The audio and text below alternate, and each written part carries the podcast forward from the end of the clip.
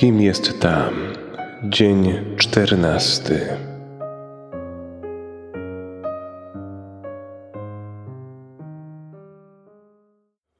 Od pewnego czasu e, jakoś staramy się podglądać to e, życie codzienne Maryi. Patrzymy na jej odwagę macierzyństwa, patrzymy na jej czułość rodzicielstwa, na jej determinację życia.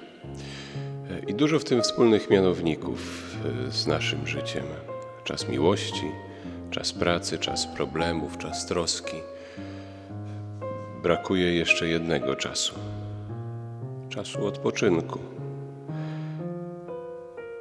Na obrazie e, Hieronima Eskery, hiszpańskiego malarza, Trójca Ziemska, cała rodzina została ubrana w radość życia, sielankę czasu.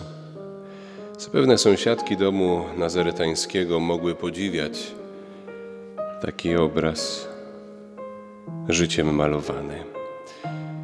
Z kolei znana kolenda, gdy śliczna panna została skomponowana na melodię kołysanki.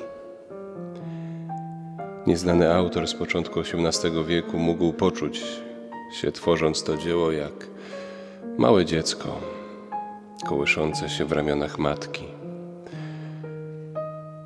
Obok takiej kobiety jak Maryja, mężczyzna taki jak Józef, przyzwyczajony do surowości życia, może odpocząć ze spokojem, śpiąc nieprzerwanie.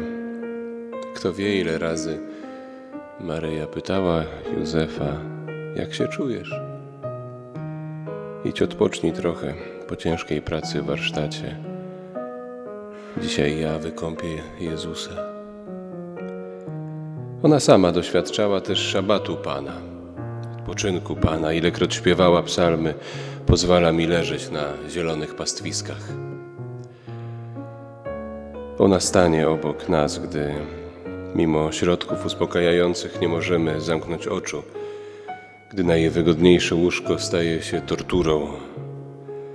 Ona przedłuży półsen osób przebywających w szpitalu pod łzami kroplówki rozjaśni niepokój kręcących się na łóżku w płaczu, wyrzutu sumienia. Kiedy się spóźnimy, poczeka na nas wieczorem w drzwiach domu, a jeśli nie znajdziemy poduszek, zaoferuje nam swoje ramię, na którym możemy złożyć nasze zmęczenie.